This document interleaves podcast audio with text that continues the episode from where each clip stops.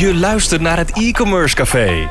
Blijf vanaf nu altijd op de hoogte van de laatste trends en ontwikkelingen omtrent e-commerce. Schenk je favoriete drankje in. En luister naar informatieve blogs en posts. Leer van andere succesvolle e-commerce ondernemers. En blijf op de hoogte van de laatste ontwikkelingen. Hier is uw host, Dries de Gelder. Frans, welkom in het e-commerce café. Dankjewel Dries. Tweede poging. Ja. Ja, eh, dat heeft een kon- een korte introductie. We waren eh, vorige week, anderhalf week geleden, was ik helemaal naar Zandam gereden. ja, klopt. Nee, Zandam is het niet, hè? Ja, Sandam. Zandam gereden. Om eh, met Frans een podcast op te nemen. Maar mijn memory kaartje, die lag nog hier. Ja. Toen hebben we nog bij de plaatselijke handel een nieuwe gekocht. Hele mooie klantervaring opgedaan. Hele mooie klantervaring opgedaan. Gelijk een voorbeeld zoals het niet hoort. Ja. Ehm, maar dat is- die zullen we jullie besparen. Maar dus de tweede poging. Leuk dat je er bent, Frans. Dankjewel. In het e-commerce café in Den Haag. Dus eh, ik hoop dat het broodje lekker was net. Ja, dank voor de lunch. hey, ehm, je bent de klantenluisteraar Heel goed. sinds 2010. Ja. Eh, je, hebt, eh, je bent actief geweest bij de Feyenoorder. Ja. Eh, de Le3 groep. Nee, 3 groep. Lectric groep, daar ben ik docent groep, geweest. ja. Eh, en je bent docent geweest bij de internetmarketing in Nijenrode. Ja. Docent cross media bij Bekenstein. eh Bekenstein. Ja. Medeoprichter Mail Traffic. Ja. Holy Cow. Stratin Interactive. Ja. Richard, eh, nee, Rijgaard en Company. Ja. En Sausage Direct. Sense Direct. Oh, Sense Direct, dat was, Sense Direct. Ja, dat was de start. Ja. Ja. En dan heb je nog gewerkt bij TWA, Vendex en Invision. Innovision. Innovision. Ja. Kijk, ik kan af en toe mijn handschrift niet lezen. Frans. Nee, je had huisarts kunnen worden. En het is natuurlijk gewoon, normaal bereid ik het ochtends voor, maar dit is nu anderhalve week geleden. dus Ja, ik vind het heel knap. Ja? Hey, TWA, wat is dat ook alweer? Een reclamebureau. En niet TWA, dat is een vliegmaatschappij. Maar het is. TBWA Oh ja, die hele grote in Amsterdam. en dat is een eh, reclamebureau. Die heet nu anders, hè? Nou, het zal on- ongetwijfeld onderdeel zijn van een van de grote bureaugroepen. Ja, ja. Ik, ik zit al een tijd niet in, in reclamebureauhoek, dus ik volg dat niet meer op de voet. En in de tijd dat ik daar werkte bij TBWA, dat is nu een, een zeer aansprekend bureau eh, met een heel creatief imago. Dat was destijds eh, anders. Eh, Het was ook wel een serieus groot internationaal bureau, maar niet van de eh, omvang en status die het nu heeft. En wat deed je toen? Ik werkte bij de DM-tak. Dus ehm, bij de DM-groep. En dat was een, een joint venture van TBWA en de DM-groep in Londen. En die begonnen in eh, Amsterdam, een vestiging. DM is... eh, direct, Direct marketing, ja, het is goed dat je het vraagt, want DM hoor je eigenlijk helemaal niet meer. En als mensen al aan DM denken, denken ze aan een berichtje... wat je rechtstreeks stuurt aan iemand via Twitter of LinkedIn. Maar toen was dat direct marketing. Zeg maar alle vormen van marketing waarbij een organisatie één op één contact heeft met klanten of potentiële klanten. Kijk eens aan. Gaaf. Hey, en, eh, en ik ben wel eens geweest bij eh, TBWA. Bij een... eh, nee, TWBA. Bij een vriendje van de lagere school. die was daar toen. En die had dan zelf een commercial helemaal van scratch af aan Ja. gemaakt. Die alle prijzen heeft gewonnen. Ja, ja dat gebeurde er ook. Oké. Nou, dat is Frans even in het kort. Frans Ja. Rijgaard, de klantenluisteraar. Eh, Frans, je hebt, eh, we hebben hier drie boeken van je liggen. Ja, Eh, business bloopers. ja. Dat zijn, niet al, dat zijn niet al mijn bloopers overigens hoor. Oh, Want dan was het boek veel dikker geweest. ja. blije kranten bijten niet. Ja. Ze- Ze kwispelen. Ja. Meer opens, meer kliks. Dat is meer speciaal voor de e-mailmarketing. Dat is specifiek over e-mailmarketing en nog specifieker over testen in e-mailmarketing. AB-testen. AB-testen onder andere. Ja. Oké. Nou, ehm, je geeft er tien weg. Ik geef tien boeken weg. Eh, de klant mag zelf bepalen, de Ja. luisteraar mag zelf bepalen welke je wil hebben. Dus wil je wat meer over e-mailmarketing weten, Ja. de business bloopers van Frans. Oh nee, Nee, nee, niet. nee, niet van mij. En eh blije klanten bijten niet. Echt allemaal topboeken. Ik heb ze nog niet gelezen, Frans. Ja. Maar dat ga ik zeker wel doen. Eh, maar ik heb al nog een heel lijstje wat ik nog moet lezen. Ja, ik snap het. En, En er komt zo nog een boek bij. oh, kijk eens aan. Dan ga je Als leestip. Oh, als leestip. Kijk eens aan.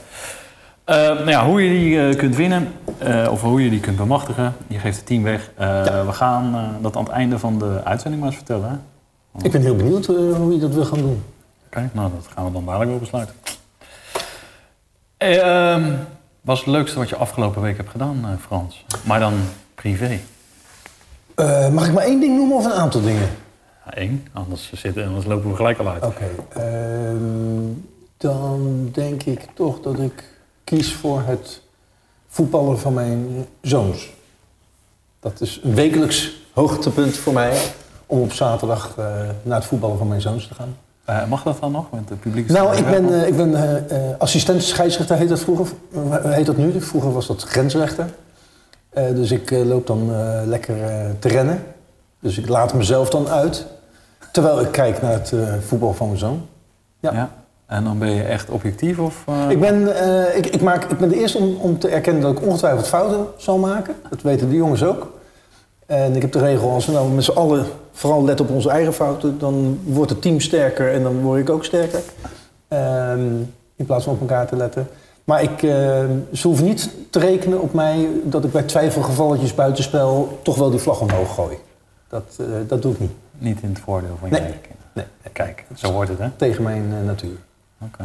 Hey, hey, je staat vaak op het podium en dat soort dingen. Ehm, wat voor effect heeft voor jou eh, corona? Eh, heel veel. Eh, de impact is enorm, want er zijn veel minder evenementen, veel minder trainingen, veel minder workshops. Dus eh, in maart was de agenda in één klap voor maanden daarna leeg. Iedere En, en daar, 100% opzeggingen bijna. Wat zeg je? 100% opzeggingen. Eh, ja, ik kan me een, een dag herinneren in maart dat inderdaad eh, tak, tak, tak, tak, tak. Dat in één keer elk evenement, eh, in één middag elk evenement eruit ging. Ehm, daar, daar zijn wel dingen voor in de plaats gekomen. Online eh, eh, initiatieven. Ook, ook wel kleinschalige trainingen zijn er ook wel eh, geweest. Maar het is, ja, we moeten deze tijd zien door te komen in, in de hoop dat we weer live evenementen kunnen gaan doen. En er zijn mensen die zeggen dat gaat niet meer komen. Dus, dus bereid je maar voor op dat alles online eh, gaat. Dat denk ik niet. Ik denk dat dit tijdelijk is, maar tijdelijk kan best een paar jaar zijn. En ehm, dan zullen we ongetwijfeld nog een economische impact hebben. En misschien wel bezuinigingen, en, uh, massaal ontslagen, weet ik veel. Maar ik, ik wil positief blijven. Dus dus- en positief blijven. nou, nou ja, ondanks, nee, ja, weet je, ja, ik nee, bedoel, tuurlijk. ondanks de donkere tijden die, die eh, eh, denk ik nog wel gaan komen. eh, de consequenties van, van eh, deze tijd. Ehm, wil ik wel optimistisch blijven. En, en, en eh, ja, heb ik de verwachting dat er wel weer een moment komt dat we meer mogen. En Denk dat er meer evenementen zullen zijn. We hadden het er net al een heel klein beetje over. Maar denk je dat het ook een beetje... Of ik denk dat vooral, maar ben je dat met me eens? Dat, eh, er gaan natuurlijk echt wel gevolgen komen. Maar je ziet nu ook bedrijven die gaan echt als een Ja. raket, juist door corona. Ja. En weet je wel, die hebben eh, mega vacatures, maar daar wordt nog maar weinig op gereageerd. Ja. Ik, ik, ik, ik heb de cijfers niet eh, paraat, maar ik, ik, herken wel wat je zegt. Dat er, eh, ik ken ook ZZP'ers, ik ben een ZZP'er, ik ken ook ZZP'ers die hebben het alleen maar drukker gekregen.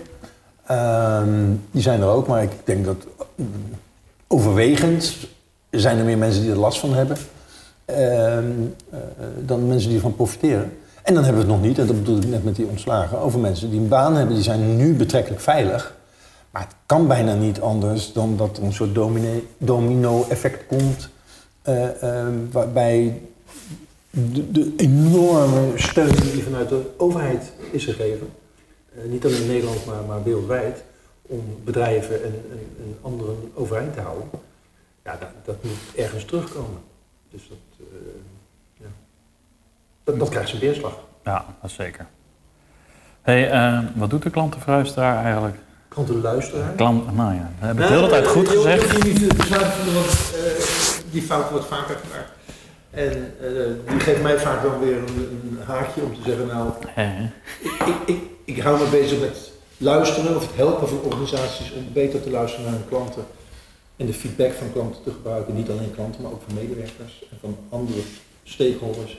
Eh, die feedback te gebruiken om, eh, om te verbeteren. En daarin zit het verschil tussen fluisteren en luisteren. Want fluisteren is nog steeds zenden, maar dan zachtjes.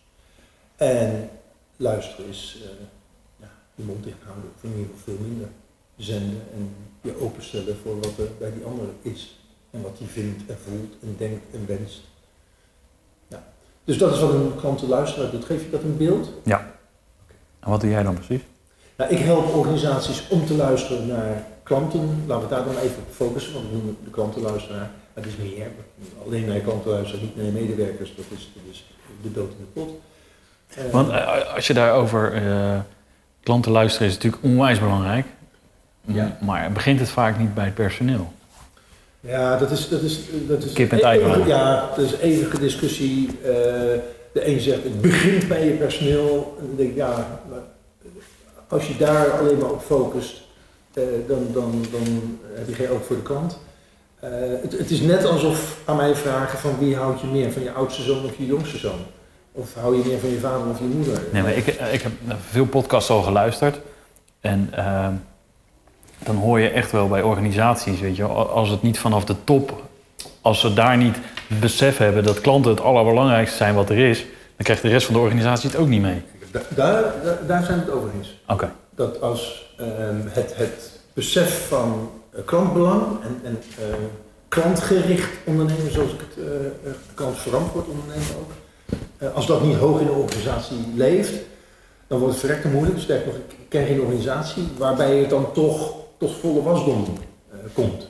We kennen allemaal wel organisaties waarbij toch de man of vrouw aan de top is, die dat, die dat belichaamt, die, die ook voorbeeldgedrag laat zien, waardoor die hele organisatie mee kan gaan. En ik heb weinig voorbeelden waar het bottom-up tot stand is gekomen.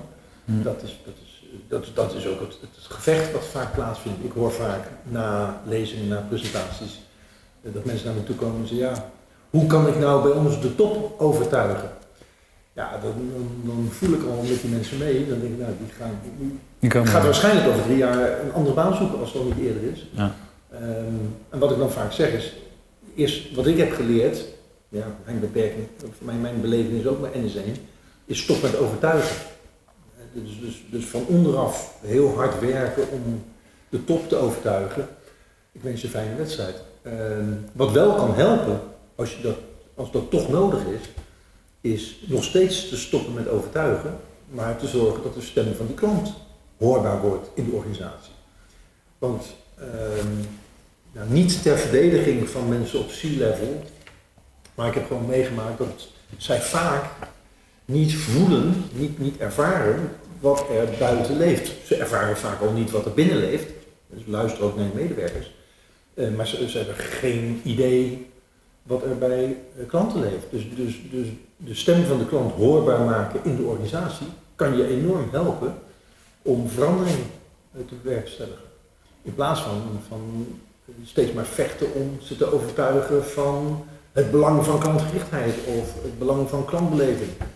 Dat, dat, dat, ja, ze knikt dan waarschijnlijk braaf en, en er verandert niks. Ja. Dus je moet ze de pijn laten zien. De, de shit waar, eh, eh, eh, waar je winkeliers mee worstelen, of, of jouw customer service medewerkers die de hele dag schreeuwende klanten aan de lijn hebben, wanhopige klanten. Dus klantenpijn en klantenfijn, noem ik het, zichtbaar maken in de organisatie, dat, dat kan helpen. Maar ja, dan nog is het een langere weg dan als je iemand in de organisa- organisatie hebt, hoog in de organisatie, die het licht heeft gezien en het klantbelang voorop stelt. Ik, werd, ik had van de week, ik zal even de naam onthouden, maar werd ik gebeld door een klantenorganisatie van ja, kunnen we de, eh, eh, de storing sluiten voor onze eh, doorlooptijd. Dus die, zij probeerde empathie te kweken voor haar probleem intern, zeg Ja, maar. oh ja, want jij had een storingsmelding gedaan? Ik had een storingsmelding en zeg maar, dus, dus er is een monteur geweest en die is netjes geweest en die heeft zijn ding gedaan. En daarna belden ze de volgende dag op van, joh, die storing staat nog open, mogen we hem sluiten? Want eh bla bla bla bla, dan eh, is onze... Voor onze KPI's. Ja, zoiets. Maar was de storing ook verholpen? Nou ja, dat weet ik nog niet, want ik heb gewoon af en toe heb ik een storing. En die komt af en toe, dus ik kan, ja, ik, ik zeg, maar is dat nou mijn probleem of jouw probleem? Ja. Toen zegt ze, ja, maar het is toch niet, eh, we hoeven toch niet een storing onbeperkt open te laten staan? Ik zeg, nou, totdat ik zeker weet dat het opgelost is, lijkt het mij van wel. Ja, maar dan gaat onze score... Ik zeg, maar... Wie is het? ja, ik, ik, ik wil wel graag met je meedenken, maar als er een andere oplossing is... Kijk, Nee. Als ik daarna weer eh, zes keer in de wacht moet staan, 20 minuten... dan eh, laat hem dan maar openstaan. Ja. Nou, je ziet op LinkedIn ook wel eens die voorbeelden voorbij komen van NPS-onderzoeken. waarbij al tegen de klant gezegd wordt: "Joh, volgende week krijg je waarschijnlijk een, e-mail of langs andere weg een vraag gesteld, maar geef alsjeblieft een 9 of een 10, want anders kost het mij mijn bonus. En dat is, ja, dan, dan ik, ik snap dat, maar dan zit er in een organisatie al iets mis, want dan worden dus mensen beloond voor die 9 en die 10. En ze worden gestraft voor een lage score, terwijl het eigenlijk zo, zo zou moeten zijn, dat, dat, daar, gaat klanten luisteren ook om, wil ik het echt weten. Als jij een klant van mij bent en ik wil echt weten of jij tevreden bent of niet, dan ga ik niet tegen jou zeggen, geef me alsjeblieft een 9 of een 10, want anders uh, uh, komt mijn bonus in gevaar. Dan, dan zeg ik tegen jou, ook al doe je me pijn, want ik ben ook maar een mens, maar zeg het me wel. Ik, ik wil het wel echt weten. Nou, dat is uh, iets wat, wat veel bedrijven, veel uh, teams, veel, veel uh, mensen moeten leren om zich zo kwetsbaar op te stellen voor een klant. Om, ja. Ik weet nog dat ik ooit in de auto's heb gewerkt. Dat was bij Volkswagen. en dan kregen wij als verkoper kregen we onze KPI's ook achter de oren.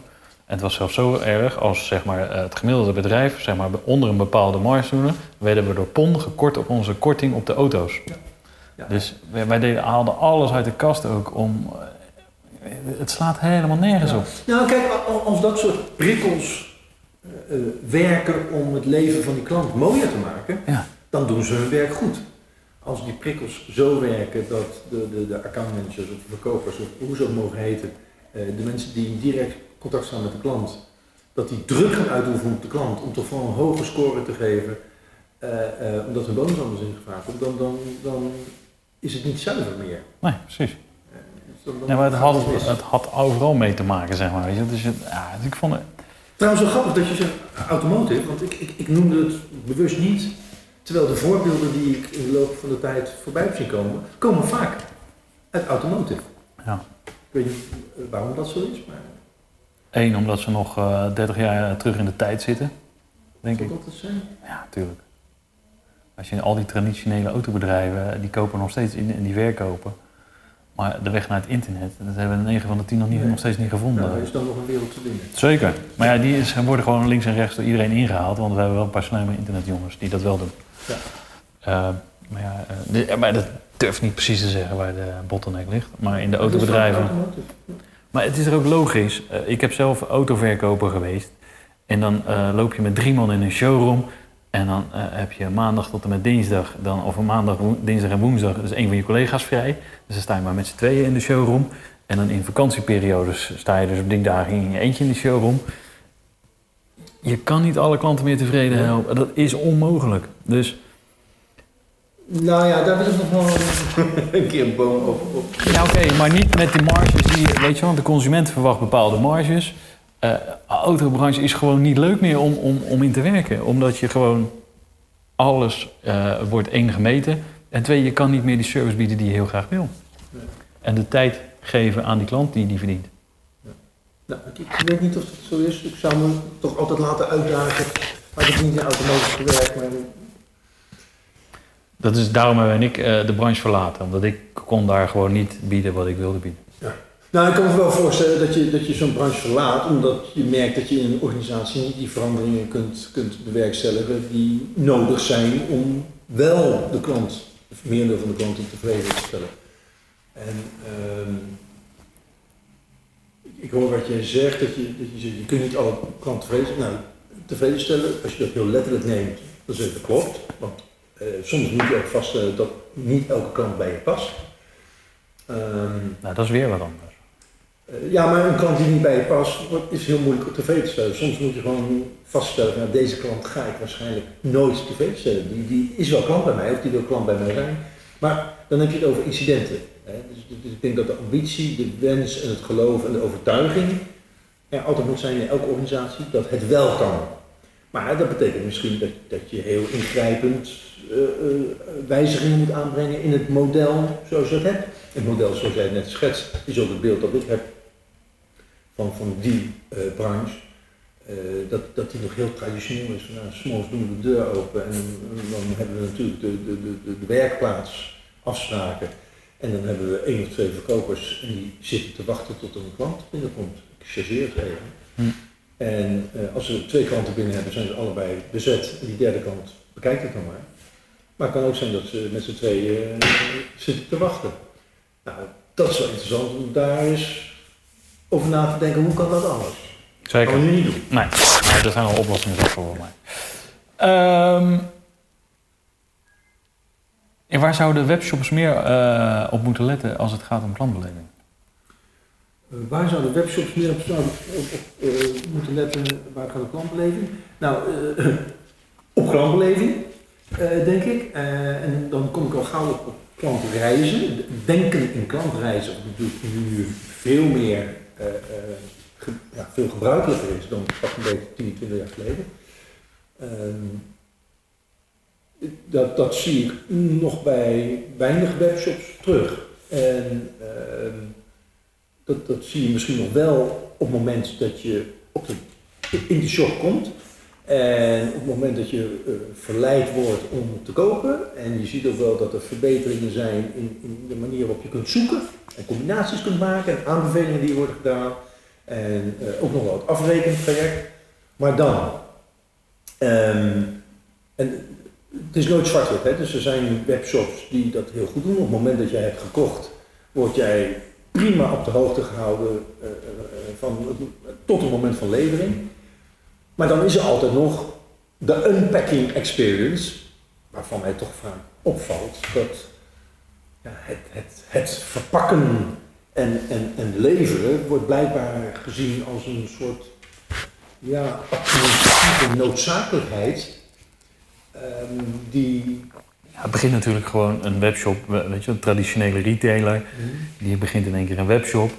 En dan komt de eerste bestelling binnen. En oh ja, we moeten dat pakketje nog even bij de klant krijgen. Inpakken en weg. Ja. Eh, ga je eens kijken naar, oh, waar kopen de goedkoopste dozen.nl?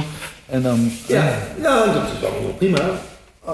Alleen ik, ik voel vaak zo weinig eh, connectie met de beleving bij die klant. Het is mijn overtuiging, en dat, dat, dat zie je ook als je met, en dat hoor je ook als je met klanten gaat praten, op het moment dat de klant heeft besteld, en dat zal van product tot product verschillen, maar over het algemeen verheugt een klant zich vervolgens op de ontvangst daarvan. En of dat nou een, nieuwe podcastcamera is, of een, een, een eh, eh, powerbank, of een boek. Iemand die dat heeft gekocht, verheugt zich op de ontvangst daarvan. En om, om het uitpakken en gebruiken ervan en het genieten ervan. Die beleving, en eh, ik ga de namen van de bedrijven die we allemaal kennen, die dat goed doen, eh, eh, niet noemen. Ehm, maar het merendeel van de bedrijven doet het niet. Dat vind, vind ik zo opmerkelijk dat, dat je in- de follow-up communicatie, of dat nou via e-mail is of via WhatsAppjes die je ontvangt, en zeker in de zending, dat, dat die beleving, die je, dat verheugen dat je als klant hebt, dat je daar als bedrijf waar ik heb gekocht helemaal niet in meegaat. En, en dat versterkt en, het plezier meebeleeft. Dus die, eh, eh, dat, dat klantreisdenken, want dan kom ik terug op, jou, op jouw vraag, wat zouden ze beter kunnen doen? Eh, dat, dat is helemaal vanuit de klantreisdenken eh, aansluiten bij die beleving van de klant en dat, en dat versterken. Maar er zijn ook bedrijven die eh, zijn tamelijk eigenwijs. Ik sprak laatst een bedrijf, eh, ja, ik vertelde ze hoe fijn klanten het over het algemeen vinden als ze op de hoogte gehouden worden van het vervolgtraject nadat ze hebben besteld. En ehm, dat kostte me toch wel eh, moeite om, om hen te doen inzien dat waarschijnlijk ook hun klanten dat heel fijn zouden vinden. En dat het niet alleen, de klanten het niet alleen zouden waarderen, dat het zich zou vertalen in een hogere NPS. Maar is het al niet, eh, sorry dat ik zeg, maar eh, als ik naar mezelf kijk, is het al niet weer achterhaald? Vroeger wilde ik dat ook. Maar nu ik al, eh, weet je wel, ik koop al 15 jaar online, zeg maar. Eh, eh, ja, maar, weet je wel, dus ik heb al die mailtjes al voorbij zien komen. Ja. Wat ik wil is gewoon bestellen en het in huis hebben. Punt. Ik hoef al die mailtjes niet. Nee, dat snap ik. Ik vind ook dat dat een, een keuze zou moeten zijn voor jou als klant. Ik vind het heel plezierig dat ik, en wat mij betreft hoeft ook niet per mail, maar ik heb het dan liever via WhatsAppjes, dat ik wel weet eh, wanneer het geleverd wordt en liefst ook nog hoe laat. Ehm, maar dat komt omdat als ik niet thuis ben, is er vaak niemand thuis. Eh, dus, dus ik vind het wel fijn om te weten wanneer iets eh, komt. Ehm, maar iemand die dat niet fijn vindt, zou de keuze moeten hebben om die updates niet te ontvangen. Ehm, maar zeker in deze tijd, waar je ziet in die coronatijd, waar we het net ook al even over hadden, eh, zie je dat de, de leverbetrouwbaarheid, en dat zit hem niet bij het bedrijf dat verstuurt, maar wel de verspreider, en of het nou DHL is of eh, UPS of, of eh, PostNL, dat de leverbetrouwbaarheid is minder. Je moet even stoppen, Frans. want Jouw uh, microfoontje is eh, naar binnen gevallen, volgens mij. Nee. Sterk nog, hij is helemaal. Dus, Hij ligt op de grond. ja, je moet niet lachen. nou? Ja, dat weet ik niet. Zie je, Het valt me nu pas op. Wil je dat checken? Nee, we gaan gewoon door, hè. De kans bestaat dat we... En het kopje is erop. Nou, dat gaat lekker. eh. De Rustig Flip, onze podcast. Zo, nee.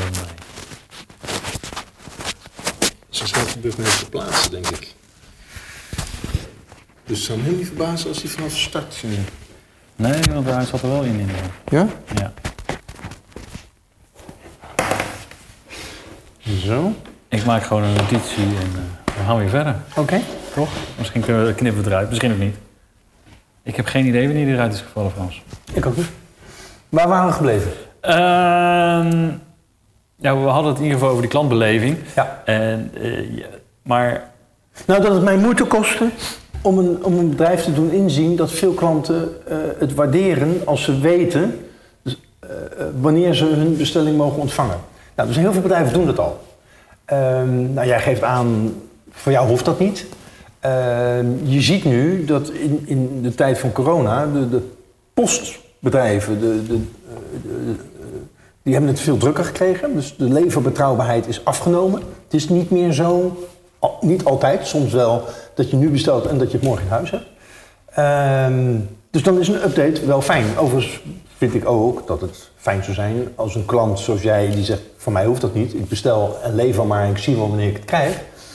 Ehm, nou, ja, tegenwoordig in deze tijden moet je er gewoon van uitgaan dat je de volgende dag een huis hebt. Behalve als het op vrijdag bestelt, dat het dan maandag of dinsdag in huis is. Eh, ja, daar moet je vanuit kunnen gaan, maar het is niet realistisch. Nou ja, la- laat ik zo zeggen. eh, het gebeurt mij nog regelmatig dat ik iets bestel en dat ik het niet de volgende dag in huis heb. Ja, maar je moet het niet via Alibaba bestellen. Hè? Oké. Maar, eh, Nee, oké, sorry. Nee, maar dat, Ja. dat is de realiteit. Ja. En, ehm, eh, dus, dus ik kan je garanderen dat het merendeel van de klanten vindt dat wel fijn. Het fijnste is natuurlijk dat je het merendeel die het wel wil, de mogelijkheid geeft om te zeggen: ik wil graag geïnformeerd blijven. En degene, eh, zoals jij, die dat niet willen, eh, de mogelijkheid geven om te zeggen: je hoeft mij niet geïnformeerd te houden. Eh, dat, dat is ideaal. Eh, maar ik, ik kan een bedrijf wel bijna garanderen dat als je dat Maar gaat doen... is dan weer een andere partij die zegt van... Oké, weet je, eh, mee eens, ik wil graag die keuze hebben. Maar is weer, als je dan weer naar eh, partijen gaat met, eh, om zoveel mogelijk sales te genereren... Mhm. die zeggen hoe meer keuze je de klant geeft, hoe lastiger het besteltraject wordt. Ja, da- daar zijn, daar, daar zijn voorbeelden van die tegendeel laten eh, zien. Dat meer keuze zorgt voor meer verkoop. En er zijn voorbeelden dat als je mensen keuze biedt... dat je juist min- minder respons krijgt. Hè. Dat, die, die, die, die vraag hadden wij hier ook. Gaan we mensen laten kiezen uit een boek of zeggen gewoon... dit is het boek dat je kunt winnen? Eh, we weten het niet. We zouden een split-run test moeten doen Ja. om dat te weten. Eh, dus daar is geen algemene eh, regel voor te geven. Ehm, maar maar, maar eh, ja, nou ja, deze discussie ehm, heb ik dus ook met een bedrijf gehad die ja, argumenten bedachten om te concluderen dat het beter was om klanten niet geïnformeerd te houden over de status. Met als gevolg overigens, want daar kwam mijn aanbeveling ook uit voort, dat zij veel druk hadden op eh, hun eh, customer service afdeling van klanten die mailen en die bellen, maar blijft mijn zending. Dus als je iets inricht waarbij je mensen op de hoogte houdt, verminder je al de druk op je organisatie eh, het vragen van je, van je klanten. Ja. Maar dat is natuurlijk sowieso als, eh, als je gewoon eh, vandaag bestelt, morgen in huis, dan heb je al gewoon, want ik kan me nog herinneren met Hemden Online. De enige vragen die wij op support kregen was waar blijft mijn bestelling? Ja. Als wij gewoon leverden binnen 48 uur, Ja. was er niks aan de hand. Dan hadden we echt 0,0 supportvragen. En eh, als je je daar aan kan houden, dan is het leven zoveel makkelijker. Dus dan heb je support niet eens nodig, bij wijze van spreken. Dan kan je in je eentje support draaien. Dus zorg eerst gewoon dat je inderdaad je leveringen aan kan. Of als je iets niet op voorraad hebt, vermeld het duidelijk. Ja. ja. Oké, top. Ik, ik, ik zal de laatste zijn om te zeggen dat je voorrang moet geven aan je updates in plaats van het inpakken en verzenden. Daar, is geen discussie over. Ja, duidelijk. Hey, ehm, je geeft ook een training Customer Journey Mapping. Ja, Wat is dat? ja. Nou ja, ik had het net leuk. over. Sorry? Dat, dat lijkt me wel heel leuk. Ja, ehm, ja, de een heeft het over customer journeys, de ander heeft het over klantreizen. Eh, dat betekent allebei hetzelfde. Eh, hoewel de betekenis die eraan gegeven wordt wel een heel ander is. Want ik hoor vaak eh, ehm, eh, over, ja, wij hebben de klantreis bij onze organisatie hebben we uitgetekend, hebben we in kaart gebracht. Dan denk ik, de klantreis? Ehm, er is niet één klantreis. Ik bedoel, ehm, je klanten hebben per definitie, hoe klein je organisatie ook is, ook mijn klanten, ik werk alleen, ook mijn klanten hebben meerdere klantreizen. En het kan een klantreis zijn dat ze naar mijn website gaan om te kijken of ze daar contactgegevens kunnen vinden, mijn postadres of mijn telefoonnummer of wat dan ook. Eh, of omdat ze naar de website eh, gaan omdat ze tarieven willen vinden van, van inspiratiesessies. Het kan van het zijn allemaal klantreizen. Ehm, of, of een klant die een offerte aanvraagt. Of een klant die een traject met je doet.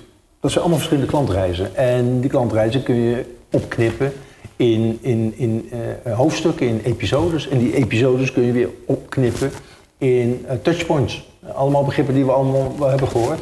Ehm, en ja, we hadden het net over dat klantenluisteren. Ja, dat komt heel goed daar tot zijn recht. Eh, omdat je, als je, als je customer journey mapping, het wordt gezegd dat je gaat de klantreis in kaart brengen. Ehm, dat kun je alleen maar doen door naar je klanten te luisteren. Dus, dus een vast onderdeel van customer journey mapping, en er zijn verschillende manieren om dan naar je klanten te luisteren. Dat kunnen klantinterviews zijn, of dat kun- kunnen klantenkamers, klantarena's heten ze ook wel, eh, zijn. Om, om feedback van je klanten te krijgen over die specifieke klantreis, over dat offerte-traject, of over het vernieuwen van een contract, of over het bestellen en geleverd krijgen, of over facturering, enzovoort, enzovoort. Eh, dus je, kunt, in grotere organisaties kun je honderden klantreizen hebben. En het belangrijkste pik je eruit en die ga je in kaart brengen om, eh, eh, met behulp van klantfeedback. En het mooie daaraan vind ik, is dat ik, ik faciliteer dat. Dus ik, ik geef niet het advies wat een, klant, eh, een bedrijf zou moeten verbeteren. Maar alles wordt door ja, een, een team waarmee je aan de slag gaat vanuit de organisatie zelf, wordt in kaart gebracht op basis van wat zij horen van de klant. Dus gesprekken die we hebben met de klant, soms in groepen of soms individueel, die gesprekken worden helemaal uitgewerkt en daar kijken we naar. En ja, ik moet je eerlijk zeggen, als ik tien klantinterviews doe, ehm, dan, dan zie je vaak al na drie, vier interviews dat dezelfde thema's voorbij komen.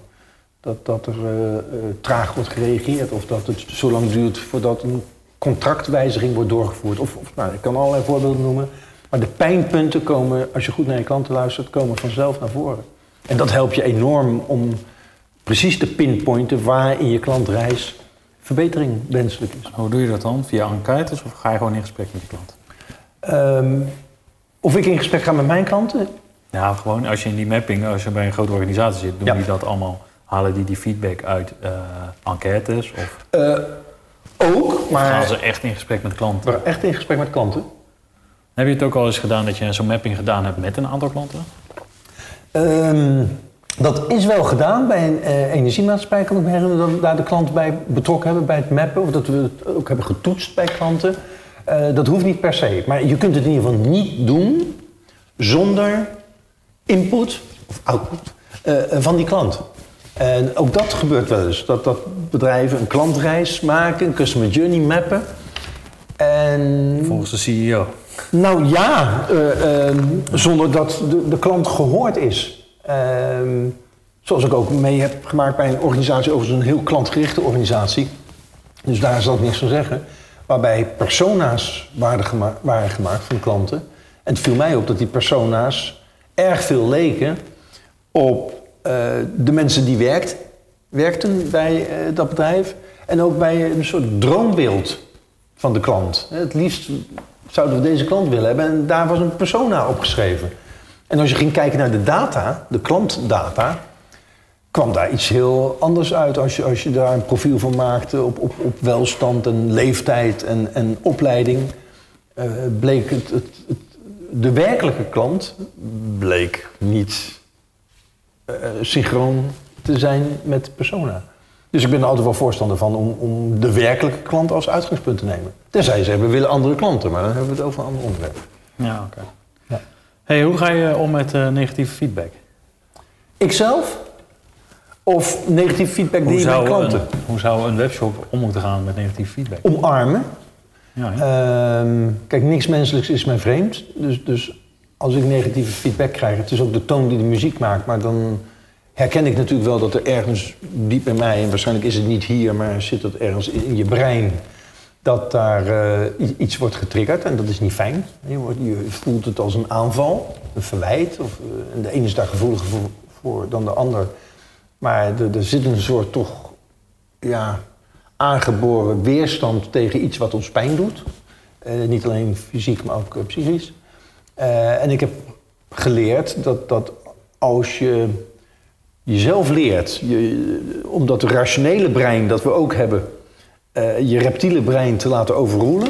Dus het reptiele brein, dat zegt natuurlijk meteen... "Tss, eh, jij wil mij doodmaken, dus dan zal ik jou doodmaken. Ik, zeg het maar even eh, heel, heel plat. Want ik denk echt dat, dat die reflex daaruit voortkomt. Maar ons rationele brein kan zeggen, joh, er is helemaal niks aan de hand. Er, er is daar helemaal niemand die jou dood wil maken. Alleen jij vraagt, wat kan er beter? En iemand geeft jou dat aan, waar, waar die niet zo gelukkig van was. En dat doet hij misschien op een niet zo aardige manier of op een vriendelijke manier. Maar eh, daar kun je wat mee. En ehm, ik heb geleerd dat, dat, en dat geldt zowel voor mij als voor eh, de bedrijven waarvoor ik werk, dat daar waar ze, betrek ik maar even op, op een net promoter score, eh, want die kennen we allemaal wel. Hoe waarschijnlijk is het dat je ons zult aanbevelen bij een vriend of collega? Op een schaal van 0 tot en met 10, van zeer onwaarschijnlijk tot en met zeer waarschijnlijk. Dat als je daar een 6 krijgt, ja, dan weet je dat dan is het gewoon niet goed. Die klant is niet tevreden. Daar, daar is iets. Ehm, en soms geeft hij dat daarna al aan, als je, eh, als je dat vraagt. En soms geeft hij dat niet aan, maar dan is het wel de moeite waard om te achterhalen... wat heeft er nou voor gezorgd dat hij een 6 geeft. En vaak blijkt dan dat die klant helemaal niet heel erg ontevreden is... maar dat er inderdaad toch wel dingen waren die hij anders of beter had verwacht. En daar kun je ontzettend je voordeel mee doen. En die klanten die jou een 9 of een 10 geven... en daar zit iets tegenstrijdigs, want je streeft naar die 9 en die 10... maar die klant die jou een 9 en 10 geeft, die leert jou het minst. Ja. Dus, dus je leert van die klant die jou eh, een 7, een 6 of, of nog lager eh, geeft. Dat is niet fijn. Eh, maar daarin zit wel de voeding om te verbeteren. En niet in de 9 of de 10. Ik heb vroeger wel eens geleerd, nog in het Opel-tijdperk, om, in 1995 of zo, dan zeiden ze van, een klant die klaagt, daar moet je juist blij mee zijn. Ja. Want 9 van de 10 klanten klagen niet. En die zijn gelijk weg. Ook komen, dat. komen nooit meer terug. En de klant die klaagt, die helpt jou eigenlijk. Die geeft Ja. jou eigenlijk een tweede kans. En als je die goed pakt, Ja. heb je een klant voor het leven. Ja, en ik kan me herinneren, dat is volgens mij jaren 90 geweest op een congres. Daar sprak iemand van General Electric, een Amerikaan, en die eh, liet cijfers zien over het, het, het, het koopgedrag, het latere koopgedrag van klanten die hadden geklaagd. En het koopgedrag van klanten die niet hadden geklaagd. En het bleek dat de klanten die hadden geklaagd, bleken waardevollere klanten te worden in de toekomst dan klanten die nooit hadden geklaagd. Op één voorwaarde, want hij voegde daar een derde groep aan toe. En dat waren de klanten die hadden geklaagd. En die van mening waren dat hun kla- klacht niet naar tevredenheid was gehoord of opgelost. Dus wat hij daarmee liet zien is, klagende klanten zijn een kans, eh, mits, Mits goed mits ze zich gehoord voelen. en goed oplost. En dat het goed opgelost wordt. Ja. En, en ik kan me herinneren dat ik het in een gesprek zat bij eh, eh, de marketingmanager, marketingdirecteur van eh Onsecure. Dat is dan nu Allianz Direct. En ehm, eh, die, ik weet niet hoe ze dat nu doen, want het is al een paar jaar geleden. Maar die waren heel erg gefocust op die, scores, hoge scores, NPS-scores bij klanten op verschillende momenten. Dus een klant die net klant was geworden, een klant, eh, dat, traject was door, eh, had doorlopen. Een klant die een schademelding had gedaan, maar wat, wat me het meest is bijgebleven ook de klanten die wegliepen. En wat, wat ik me herinner is dat ze zeiden, we vinden het misschien niet eens zo erg als een klant weggaat, als het om de goede reden is. Hè? Als iemand een nieuwe baan heeft en daar hoort een leaseauto bij. En dat is de reden waardoor hij zijn eigen auto gaat verkopen. Ja, dan gaat hij ook zijn autoverzekering opzeggen. Dat, dat is geen probleem. Wij gaan daar niks aan doen om die klant binnenboord te houden. Alleen we willen wel weg, dat hij weggaat met een 9 of een 10. Dus een klant die weggaat met een, met een 4, een 5 of een 6... ja, dat is alarmfase 1 bij ons. Daar, gaan we, daar gaan we op acteren. Want dat hij weggaat, vinden we niet zo erg. Maar als hij weggaat en ontevreden is... eh, dat vinden we wel erg. Dat mag niet gebeuren. Nou, dat, dat is een heel mooi eh, uitgangspunt, denk ik. Zo, dat vind ik een van de betere misschien wel. Ja, Daar kan ik ook het meeste van leren. Denk ik. ja, ja. ja. Hey, hoe vaak eh, vraag je eigenlijk om feedback aan je klant? Eh, Hoe? hoe vaak? Nou, hoe, dat kan, hebben we net Ja, dat is een goede discussie. Want ik moest er net ook wel aan denken toen jij zei van... ik zit er eigenlijk helemaal niet op te wachten. Als ik updates krijg van nu is je product verzonden en, en dan wordt het geleverd. Ehm, ja, een, hete discussie is wel op welke momenten vraag ik mijn klant op feedback. Dus eh, het moment waarop je het vraagt, de timing, is, is denk ik cruciaal. En ook dan nog de manier waarop je het eh, vraagt. Hè. Eh, eh, laatst was ik op Schiphol en daar eh, dat, moet je heel erg oppassen als je dat zegt. Maar ja, ik, ik, ik, mocht vliegen en ik heb gevlogen. Ehm, en eh, eh, eh, op de toiletten daar eh, sta je handen af te drogen. En daar eh, eh, ja, wordt gevraagd om feedback. Door een smiley in te drukken. Ja, dat is in coronatijden. Is, is dat ook al eh, letterlijk besmet? Eh, moet ik op zo'n knopje drukken, kan ik dat wel. Maar daar, daar wordt dan heel, heel makkelijk. Ja, nou ja, je staat er toch. Ja. En eh, er wordt gevraagd: ben je tevreden over de schoonheid van dit toilet? Of, of de hygiëne op dit toilet? O- of iets dergelijks. Nou, dat, dat doe je heel snel, heel makkelijk. Timing is oké, het kost je geen moeite, het kost je geen tijd. Ehm, en ik vind dat ook wel grappig, maar dat is natuurlijk voor een deel ook beroepsdeformatie. Maar ik hoor natuurlijk ook wel, en herken dat ook wel, dat als jij, ik noemde het, een- als je een powerbank eh, bestelt, eh, eh, ja, dan krijg je die binnen en dan, om dan nog een mail te sturen, ben je tevreden over de levering? We hebben het over een powerbank. Eh, het is wat anders dan, dan ben je tevreden over je vakantie. Of je hebt een nieuwe auto gekocht, ben je tevreden over je auto. Of dus na, naarmate de, het commitment groter is, of de investering groter is, het, het belang voor die klant groter is, is waarschijnlijk je bereidheid om mee te werken, om de relevantie van zo'n vraag in te zien, groter. En er speelt nog iets anders mee, en dat is denk ik de mate waarin je klantervaring onder of boven je verwachting Hè, wat ik, eh, is uitgekomen. Eh, ik noemde de, de powerbank. Gewoon, ja, een simpel dingetje voor de meeste mensen toch. Eh, stel nou dat dat hele bestel- en levertraject een drama is geweest... dan is waarschijnlijk jouw neiging om te reageren op die vraag... eh, eh, hoe tevreden ben je of hoe is het gegaan... eh, je bereidheid is groter dan als alles gewoon volgens plan is gegaan. Dus ik vind het moeilijk om te zeggen dat je het dan maar niet moet doen. Ehm, ik zou wel altijd zoeken naar wegen om het op een moment te doen dat het relevant is. Ik zal je een ander voorbeeld geven. Ik at een poos terug in een restaurant in België en toen kreeg ik, had ik de rekening had gevraagd, eh, kreeg ik eh, die rekening in, in zo'n mapje, maar dat mapje was meteen ook een tablet. En op die tablet stonden een aantal vragen. En denk, dit vind ik nou een mooi voorbeeld, want tien keer liever dit, ik zit hier nou toch, eh, met mijn kopje koffie en met, met die rekening. En dan moet je toch even wachten weer tot iemand komt, want je wilt met de pin betalen. En zo, er is altijd een wachtmoment. Dan vind ik het eigenlijk wel leuk om op die tablet even aan te geven, drie vragen te beantwoorden. En ook nog een open veld waarin ik of een compliment aan de kok kan geven, of nog even aan kan geven dat, het, eh, dat de saus iets eh, te vet was. Noem maar wat. Eh, dus dat vond ik tien keer liever dat dan de dag daarna nog een mail. Dus ja, ik zou zeggen, zoek naar momenten die voor die klant passend zijn om jou de, de goede feedback te geven waar jij mee kunt verbeteren. Dat Dus is de reden waarom je het Ik vind het wel een hele goeie eh, wat je nu zegt. Want eigenlijk, dat zou eigenlijk betekenen dat je misschien in je bestelproces al op de website van joh, eh, eh, eh, misschien van goh, niet een pop-upje of zo, maar Of updates. ja, nee, dat je gewoon weet je, wel, bij het product of zo, oké, was deze productinformatie voldoende voor u? Of bam, dat je daar al kleine enquêtes bij houdt. Nou, dat zie je ook steeds meer. En dan, weet je, veranderingen gaan natuurlijk nooit in één klap van hier Nee. naar daar. Nou, Maar het valt me wel op. maar dat kan je natuurlijk ook in, het- tijdens het bes- het bestelproces doen. Zeker. Zo van, oké, ben Zeker. je tot hier tevreden en tot hier en tot hier. Ja. Nou, nou noemde jij net al. maar- Nou ja, eh, eh, er zijn natuurlijk bij grote organisaties die bestaan van online verkopen, zitten hele teams de hele dag te dokteren eh, op, op manieren om het bestelproces zo rimpeloos mogelijk te maken.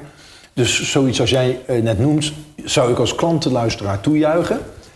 Maar tegelijkertijd zie ik wel ook dat je er heel voorzichtig mee moet zijn. En dat zou ik dus weer testen, daar heb je het weer. Om te kijken of het geen negatieve impact heeft. Het kleinste dingetje wat je doet als jij Salando bent of Weekamp, Bol.com, Coolblue, noem ze allemaal op. Het kleinste dingetje dat je doet in dat, in dat met name dat laatste traject. En dan hoef je aan je uit te leggen, want jij, jij weet het, eh, eh, eh, hoe het werkt. Kan zorgen voor of dit of dat. En dat wil je zeker niet. Nee. Ehm, maar al- als het ongestraft kan, is dat natuurlijk eh, eh, ja, heel goed om te doen. Je ziet overigens ook al eh, vaak dat op websites wordt gevraagd: was deze informatie zinvol? Heeft heeft de, informatie op deze pagina je geholpen? Ehm, je ziet ook in e-mails de, de, duimpjes omhoog en omlaag. Dus, dus je ziet dat op heel veel manieren bedrijven al polsen hoe dat klantsentiment is en eh, hoe, hoe ze kunnen verbeteren. Hey, is de consument veranderd eh, de laatste tijd? De laatste tijd heb je het dan over? Is er, eh, oh, in 50 jaar? Nou, ehm, ehm, kijk, wij, wij veranderen in de kern natuurlijk ja, over mil- miljoenen jaren. En dus in, in de kern is de verandering die mensen doormaken niet zo groot, wezenlijk. Eh, cultureel natuurlijk wel. En, en in, in eh, eh, kanalen die wij kunnen gebruiken om aan onze wensen en behoeften te voldoen, is natuurlijk enorm veel veranderd de laatste nou ja, 50 jaar, ik zeg de laatste 25 jaar. Vijf jaar zoveel. En, en ook de laatste vijf jaar. En, en ook het laatste jaar. Als je kijkt naar de, de tijd waar we nu in, in zitten. Is de mens daarmee veranderd? Nee, de mens is niet veranderd. Maar menselijk gedrag is, is wel veranderd door de mogelijkheden die er geboden zijn. Om onder andere dankzij dit geniale apparaat, wat je daar ook verder van vindt, maar het is een geniaal apparaat, eh, wat je daarmee kunt doen. En dan spreek ik daar verder geen wa- waardeoordeel over uit. Want er zijn natuurlijk mensen die vinden dit een vloek. En andere mensen vinden het een zegen. Eh, maar los van die discussie, want dan hebben we het over een waardeoordeel... eh, heeft dat natuurlijk wel gezorgd voor heel erg ander gedrag. Hoe wij informatie vinden, hoe we informatie zoeken, hoe we eh, kopen, hoe we communiceren. Ja, impact is enorm. Ja. Maar ehm, eh, eh, moet de winkelier of de retailer of degene die de verkopende partij is, heeft hij veel moeten veranderen om aan de consument zijn voldoening te voldoen? Nou, ja, ja ehm, Laat ik zo zeggen, de, de, de, de, eh, de winkelier, we hadden het net even over een winkel waar, waar we geweest zijn om eh, die, die SD-kaart te kopen. Ehm, daar gaat iets mis. Hè? Als je ziet hoe zij een, een klantissue oplossen, niet oplossen. Dat is één. Eh, en dan heb ik het nog niet over hoe zij inspelen op die verandering waar we het net over hadden. Het zou mij niet verbazen als, als die winkel ook nog gewoon een winkel heeft. Die ze net als 30 jaar geleden s ochtends open doen en s'avonds dicht doen. En dat ze s'avonds uh, klagen over uh, uh, al die omzet die maar wegloopt Ja. naar al die webshops. En denk ik, ja, we kunnen allemaal in een hoekje gaan zitten grienen eh, en daarmee wordt het niet beter. En dan zou ik nadenken, hoe kan ik dan als winkelier eh, eh, daar een graantje van meepikken? Want blijkbaar koopt die klant makkelijk online. En ja, Ja, ik, denk ik geen webshop die dit zou weigeren als ik dit terug zou sturen. Nee, pre- precies. precies. Dus, dus ja, even voor de kijkers. Je, je gaat terug met een product wat zij hebben aanbevolen. Van, ja, het, het werkt toch niet? De camera accepteert die SD-kaart niet. En ze zeggen gewoon glashard van... ja, maar u heeft de verpakking opengemaakt, we nemen het niet terug. Ja, dat is buitengewoon klantonvriendelijk. En dan ben je daar dus voor het eerst geweest. Maar, Volgens mij zijn ze zelfs verplicht het terug te nemen. nou ja, dat vroeg ik me af. Maar ik, ik had het, het, het wetboek van strafrecht niet... eh, Maar ja. Maar eh, oké, dus is, wel, de, de- is de klant veel eisender geworden, de consument? Ja. Of, of veel makkelijker? Nee, ik, ik denk dat. Ik denk, overigens in de kern dat klanten heel begripvol zijn. Dus klanten staan jou toe om fouten te maken. Dus, dus dat- heel spastisch doen over dat alles perfect moet zijn. Nee, ik vind wel dat je je processen moet, moet inrichten tot, tot ja, bijna perfectie. Maar ook dan gaan er dingen mis. Eh, erken dat vooral. Dus volgens mij zijn klanten in de, in de basis, mensen zijn in de basis vergevingsgezind. Zolang jij maar aangeeft dat je er misschien nog wel kwaaier om maakt dan die klant. Dat je er echt mee zit. En dat, dat, dat, dat je gewoon ja, alles aan wil doen om het goed te maken. Als die klant dat voelt, is het prima. Ehm, maar feit is wel dat, dat klanten eh, eh, hogere verwachtingen hebben. Hè? Veel eisender. Ja, zo mag je het ook noemen. Eh, op het moment dat jij het ervaren, ik hoorde jou dat eh, net zeggen, dat als je iets bestelt, dat vind jij het gewoon normaal dat je het de volgende dag hebt. Ehm, ja, dan, dan vind je het heel vreemd als dat eh, dagen of weken moet duren. Dat, dus dus die verwachting dat dat anders gaat, ja, en, die, neem jij ook, die neem jij niet alleen mee naar webshops, want daar hadden we het net over, maar die neem jij denk ik ook mee naar een, een ziekenhuis. En die neem je ook mee naar het onderwijs. En die neem je ook mee naar jouw gemeente. En ook daar, dat verklaart ook waarom bij dat soort organisaties die vaak toch in een soort monopoliepositie zitten, dat ook daar gelukkig ehm, ja, het besef doordringt dat zij die, die patiënt of die cliënt of die burger als klant moeten zien. Terwijl ze in een monopoliepositie zitten. En de neiging bestond vroeger altijd om zeggen, maar waarom, we hebben geen concurrentie. Waarom zouden wij ons dan druk maken? Nou, mijn stelling is, juist omdat je geen concurrentie hebt, moet je druk maken. Want de frustratie bij jouw burger of bij een, een, een, patiënt is nog groter als hij gedwongen is bij jou te komen en bij jou niet geholpen wordt op de manier waarvan hij wel weet dat het kan. Dus dan, dan wordt denk ik de frustratie nog groter. Want als, als, ja, als ik de keuze zou hebben en ik wist dat ik mijn paspoort niet in Zaanstad moest aanvragen, maar dat het ook in Haarlem eh, kon en ik weet dat ik in Haarlem beter geholpen word, ga ik naar Haarlem. Om voorbeeld te doen. Ja, snap ik. Hey, eh, dat hebben we even. De consument is dus, eh, hoe heet het? Moeilijker geworden. Of Wat is moeilijker geworden? Nee, de consument is moeilijker geworden of veel eisender geworden. Heeft hogere verwachtingen? Of ho- heeft hogere verwachtingen. Ja. Eh, hoe ziet de toekomst daarvan uit? Heb je daar een beeld bij? Gaat het, worden die verwachtingen nog hoger? Ja. Ik, ik denk dat dat onomkeerbaar is. Ja? Ja. ja. Ik denk dat naarmate steeds meer organisaties zullen begrijpen dat als ze daar niet in meegaan en de concurrent doet het wel, ehm, gaat die consument het ook, eh, ook als, als vanzelfsprekend ervaren. Dat die als hij nu belt, dat, dat de telefoon wordt opgenomen. Of dat als hij eh, eh, een tweet stuurt, dat een bedrijf reageert. Een poos terug hoorde ik een bedrijf zeggen, het lijkt, het lijkt af en toe wel dat klanten, als ze een tweet sturen, dat ze denken dat wij die uit de lucht vangen en dan reageren. Toen heb ik gezegd, ja, dat klopt. Dat verwachten klanten ook. Ja, en, en ja, als jij zegt, nou, eh, ze barsten maar mooi, ik doe er niks mee, dan is die keuze aan jou. Het zou mijn keuze niet zijn. Nee. Ik zou het zo inrichten dat ik toch wel kan volgen wat klanten over me zeggen. En zodat ik daarop kan anticiperen. Dat is een keuze. Dus ik denk, terugkomend op jouw vraag, dat dat, eh, ik zie dat niet minder worden. Nee. En laat ik het positief benaderen. Eh, ik, ik zie dus dat, dat de, de toegenomen macht eh, van klanten, die de onmiskenbaar is, dankzij internet en, en dankzij social media. Eh, elke klant heeft een stem gekregen. En elke klant heeft heel makkelijk toegang gekregen tot informatie, kan heel makkelijk vergelijken, kan heel makkelijk ergens anders eh, terecht met zijn geld. Ehm, dat, dat dat er in ieder geval voor zorgt dat organisaties, dus niet alleen bedrijven, maar ook andere organisaties, gemeenten, ziekenhuizen, noem maar op, ehm, klantgericht zullen moeten zijn. En dat, is, en dat zie je ook al. Dat is een hele, vind ik een hele mooie ontwikkeling. Oké. Hey, even, eh, misschien is die heel makkelijk, maar het kan ook een hele moeilijke zijn. Ehm, als we even de, de webshops zoals we ze nu kennen, eh, wat zou de makkelijkste en de beste tips zijn die ze heel makkelijk kunnen oplossen eh, als webshop zijn? Oh, wat zou. eh, Een soort laaghangend fruit op- in de customer journey, zeg maar. Wat zouden ze nou als eerste moeten oppakken?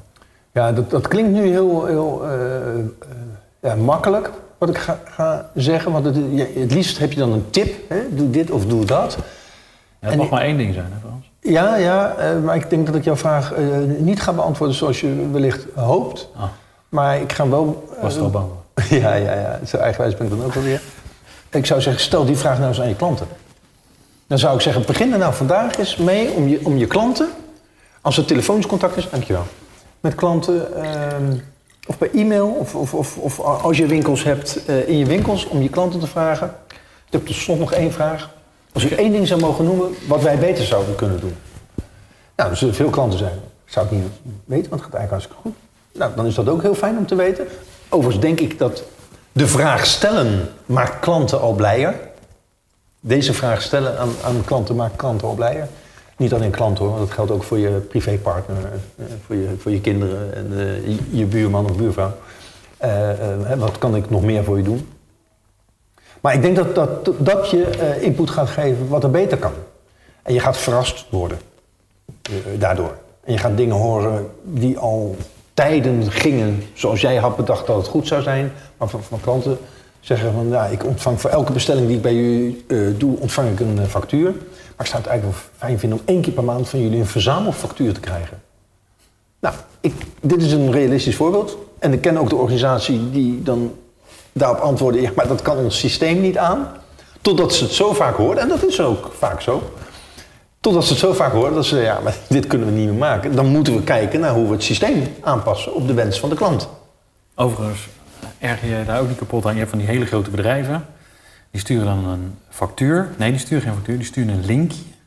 Ja, Waardoor je eerst helemaal moet inloggen. En dan 9 van de 10 keer weet je het wachtwoord niet meer. En dat soort geneuzel. En daarna mag, kan je pas de factuur, downloaden. Ja, Volgens mij is het gewoon bij wet geregeld dat jij een factuur moet krijgen. ja, ik, ja. En mi- misschien is, is dan daarmee Met wel aan die- BTW. met die regel. Hè, dus dus ja, dan weet ik ook weer niet hoe dat wettelijk precies is. Maar ik, eh, ik herken wel het ongemak. Het is een mooi voorbeeld. Want als je dat nou van heel veel klanten hoort... Van, ik heb eigenlijk veel liever dat die factuur bij de mail zit. In plaats van dat er een linkje en dat ik moet inloggen. En, eh, eh, nou, dan kun je daar wat mee. Dit is een heel mooi voorbeeld. Dat als dat een pijnpunt is, een touchpoint in die journey... waarvan klanten zeggen van, nou, dat vind ik zo'n gedoe. Nou, weet je wat ze wel kunnen? Het eh, Het gaat even over Ziggo en Vodafone. Ja? Ze kunnen, eh, dat kunnen ze niet, maar ze kunnen hem wel papier sturen. Ja. ja. Terwijl dat veel meer kost, veel bewerkelijker, veel duurder voor de organisatie. Ja. ja. Maar goed, dus, dus jij vroeg van eh, één dingetje. Ja, dat. Weet je, eh, Ik geloof dat, eh, eh, ik weet niet of het waar is, maar Pieter Zwart van Coolblue, Ja. die belt geloof ik minimaal één keer per dag één Ja. klant op. Ja. Nou, ik weet niet of die, of, of, of die het doet, maar ik, ik, ik zie het hem wel doen. En nou, dan is de naam toch gevallen. We hadden het al even over, hè, dat, dat de klantgerichtheid, als het aan de top zit, in, in, in de vezels van de man of vrouw aan de top, dan is het makkelijker als het door de organisatie gaat dan andersom. Eh, ja, en hij is daar een goed voorbeeld van. En ik ken weinig mensen, weinig mensen zien en horen spreken met zoveel eh, eh,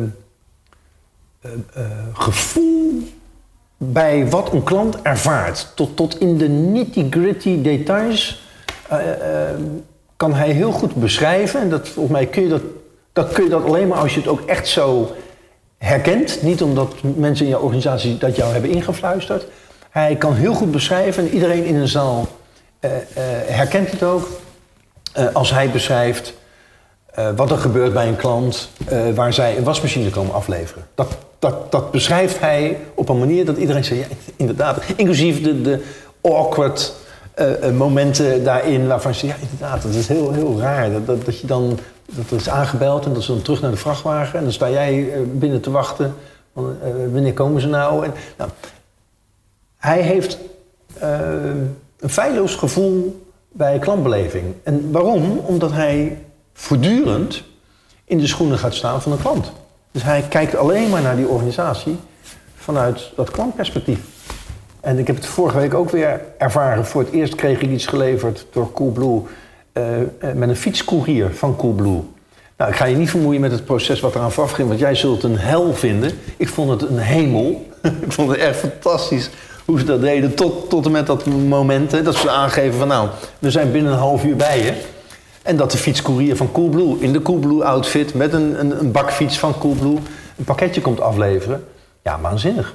Waanzinnig. Voor een Maar- koelkast vind ik het eventueel wel fijn, maar voor inderdaad... een- Wat zeg je? Voor een koelkast die ze komen brengen is dat wel fijn. Dat, ze, dat je even de deur kan open doen en dat soort dingen. Een beetje voorbereiding kan maken. De oude koelkast weg kan halen. Maar Ja. weet je, als je natuurlijk inderdaad eh, dat SD-kaartje... met- Nee, doe maar door de brievenbus. Ja, precies. Ja, geen poppenkast. Dan hoef ik echt niet te weten hoe laat die komt. En, eh, en een pakketje ook niet, weet je. Want die PostNL-chauffeur die staat elke dag voor de deur. Tussen bepaalde tijdstippen. Dus dat weten we wel. Ja, toch? Ja. Hey, ehm, ja, we hebben klantbeleving even behoorlijk gesproken. Nou, jou als ondernemer. Ja. ehm, je hebt een aardig, aardig aantal bedrijven opgestart. Welke was het leukst? Het leukst? eh, oh, ik vond eigenlijk alles wel leuk, want anders begin je er niet Nee, aan. mag maar één, hè? Mag er maar één? Eh, natuurlijk. Ja, dan denk ik toch dat mijn eerste bedrijf in 1989, eh, je, je noemde hem al even, Sense. Sense Direct. Direct Communications. Ehm, ja, dat het gewoon heel, heel spannend is. Een, een stap zetten van een baan. Ik werkte nog niet zo lang hoor, ik werkte vijf, zes jaar. Ehm, en die stap naar zelfstandigheid, dat, dat was een hele spannende, hele leuke. En, naar de Kamer van Koophandel en een, eh, een, een naam en een logo. En ja, je voelt je dan heel wat en je bent helemaal niks. En, eh, en ik, heb, ik heb heel veel geluk gehad, moet ik ook zeggen. Dat ik eh, mijn vorige werkgever, eh, Jay Curry, eh, die, die heeft mij erg geholpen. Eh, niet financieel, maar door mij aan te bevelen bij mensen in zijn netwerk. Want ik deed zeg maar de uitvoerende kant van communicatie. Conceptontwikkeling, teksten schrijven, vormgeven. deed ik niet allemaal zelf, maar met een netwerk om me heen. Eh, en dat was een, een, een deel wat hij niet deed. Dus met zijn bedrijf Innovision, waar ik had gewerkt. En later werd het J. Associates eh, en later MSP Associates. Eh, dat was consultancy. En zij deden geen executie. En dat was wat ik wel deed. Dus via hem ben ik ja, in contact gekomen met, met Wegener en met, met Hoogovens en met allerlei mooie bedrijven. Ehm, Heb je dan ook van dit bedrijf het meest geleerd of is dat een van die andere bedrijven geweest? Boah, nou, eh, boeh, ehm, ja, ik leer nog steeds. En dat, dat klinkt zo flauw, maar dat, dat is... eh, Nee, misschien leer ik nu nog wel meer dan, dan toen. Want toen was je jong en dook je eigenlijk overal in.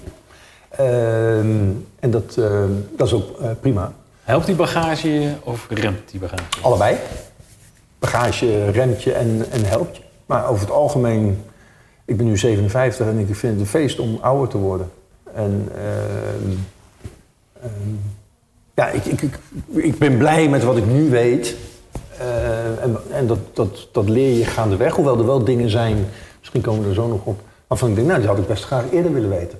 Dat, dat, dat, eh, je leert heel veel op school, maar eh, je leert heel veel dingen ook niet op school, waarvan ik denk, nou, waarom zouden die niet op school in, in een les, ik noem dat dan levensles. Volgens mij zou het op school ook een levensles moeten zijn. Ehm, maar goed, nogmaals, misschien komen we er zo nog op.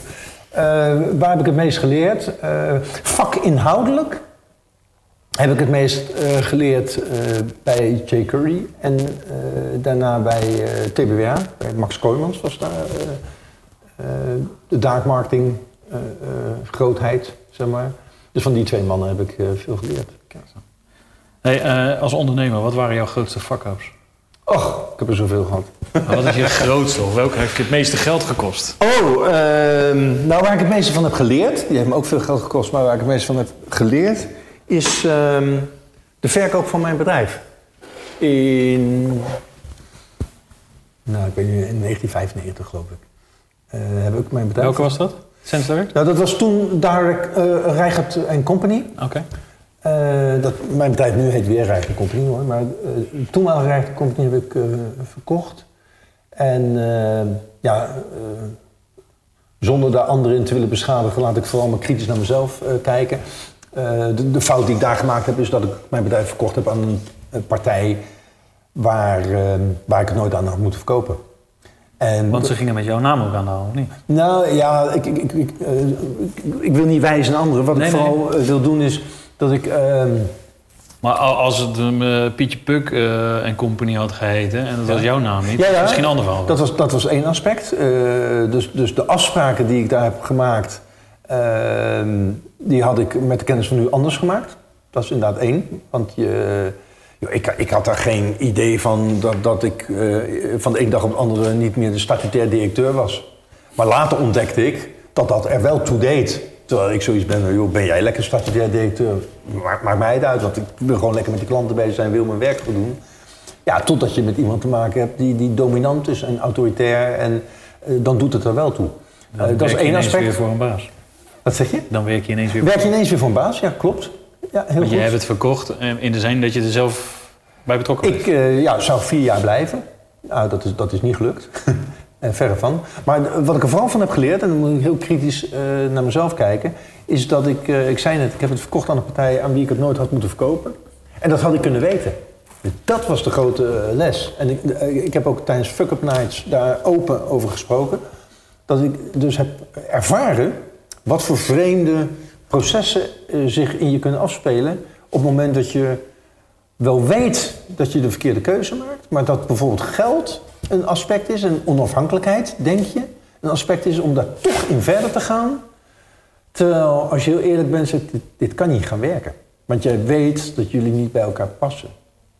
En ik had dat zelfs kunnen toetsen bij een aantal mensen in het vak waarvan ik wist dat zij de persoon in kwestie goed kenden. En ook dat heb ik niet gedaan. En waarom heb ik dat niet gedaan? Omdat ik wel wist wat ik dan te horen zou krijgen.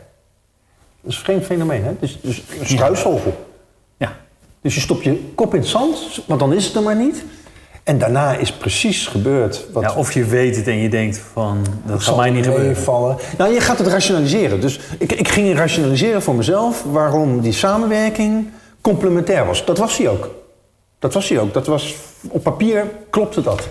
Alleen qua persoonlijkheden klopte dat helemaal niet. Eh, zonder daar eh, verwijten in te maken, maar eh, ik ben tamelijk eigenwijs. En eh, de andere persoon is dat ook. En ik ben misschien niet zo dominant, eh, maar eh, in ieder geval, ik ben niet zo volgzaam.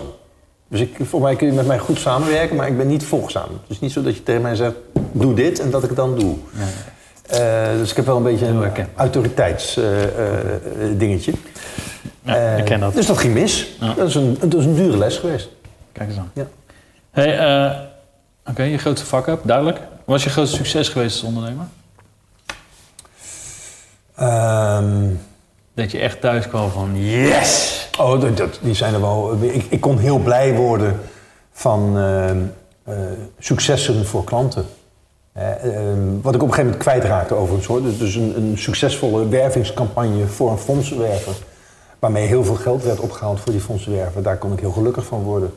Ehm, eh, of een, een succesvolle campagne voor, voor eh, hypotheken van Friesland Bank of eh, autoverzekering. Daar kon ik heel. heel dus de kick van de respons en van, van, van, van, van, van het succes voor de klant, daar kon ik heel, heel blij van worden. Een pitch winnen, daar kon ik heel blij van worden. Dat, dat, ja, in een pitch, in een, in een bureaucompetitie zitten om een, om een echt een serieus account. Ehm, ja, dat maakte Oh, iets. daar heb ik even een paar vragen. Ja. Tenminste, ik ben nu eh, ben ik gewoon eh, met, ben ik bezig met marketingbureautjes, probeer ik in te schakelen. En waar ik me echt, ik weet niet, eh, was dat in die tijd ook al, maar pitchte je toen, rekende jij geld voor? Oh, dat is een heel mooi punt. Daar waren. eh, Want ik vraag wel zo'n offerte aan en dan lijkt het wel alsof ik eerst 500 euro moet betalen voordat ze überhaupt de telefoon met me op willen nemen. En dan ben ik wel helemaal Eh, klaar met dat, dat niet. Maar ehm, je, je kunt als bureau, pardon, kun je je dagen vullen met gratis werken voor partijen Dat die bij jou ik, langskomen en die allerlei partijen aan het werk zetten. Eh, dus, dus daar zijn ooit door eh, de BVA, de Bond van Adverteerders, en de VA, de Vereniging van Erkende Reclameadviesbureaus, zijn er afspraken over gemaakt. Daar is een boekje van gemaakt. Dus wat wij op een gegeven moment, daar waren we heel blij mee. Dus wat- wat wij als bureau zeiden, want al die bureaus klaagden altijd over ja, die onbetaalde pitches. Maar ze deden altijd mee. Dus dan hou je het in stand. Ehm, dus wat wij zeiden van nou, wij conformeren ons aan de, aan de regels van de, de, de BVA en de VA. En dat betekent dat dat een, eh, een, een, een bureau-oriëntatie is kosteloos. Dus dat betekent dat u bij ons komt en dat wij dat we u vertellen over ons bureau en wie we zijn. Eh, dan kunt u onze mensen leren kennen. En u kunt, u kunt inlichtingen bij onze klanten eh, aanvragen of inwinnen. Dat kan natuurlijk sowieso. Of we komen naar u toe. En maar vanaf het moment dat u ons vraagt om werk te doen voor u, en dat kan zijn om na te denken over uw vraagstuk of over een campagne, eh, eh, en of met creatief werk daarbij, dan spreek je met elkaar een vergoeding af.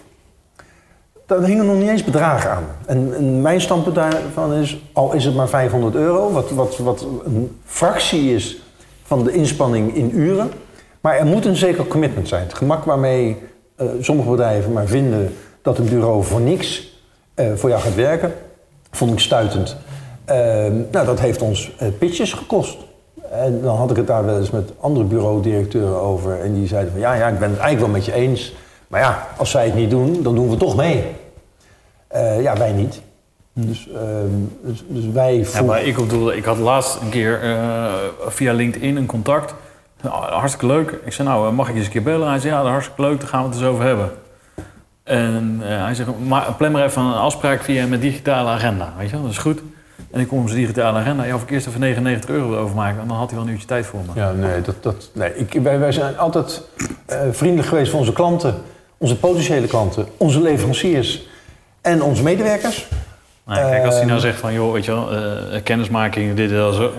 en Ik- daarna ik- gaat de rekening te lopen. Ik denk Ja, overigens, als je het hebt over dure les, dat ik een, een eh, ik denk dat ik een goede vakman was en ben, maar niet een goede zakenman.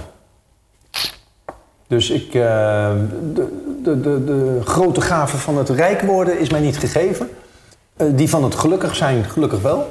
Ehm, dus ik, ik heb altijd heel veel plezier be- beleefd aan mijn werk. Op een gegeven moment had ik overigens geen plezier meer aan eh, campagnes voor, voor klanten. Dus dat betekent ook dat ik een carrière switch heb gemaakt.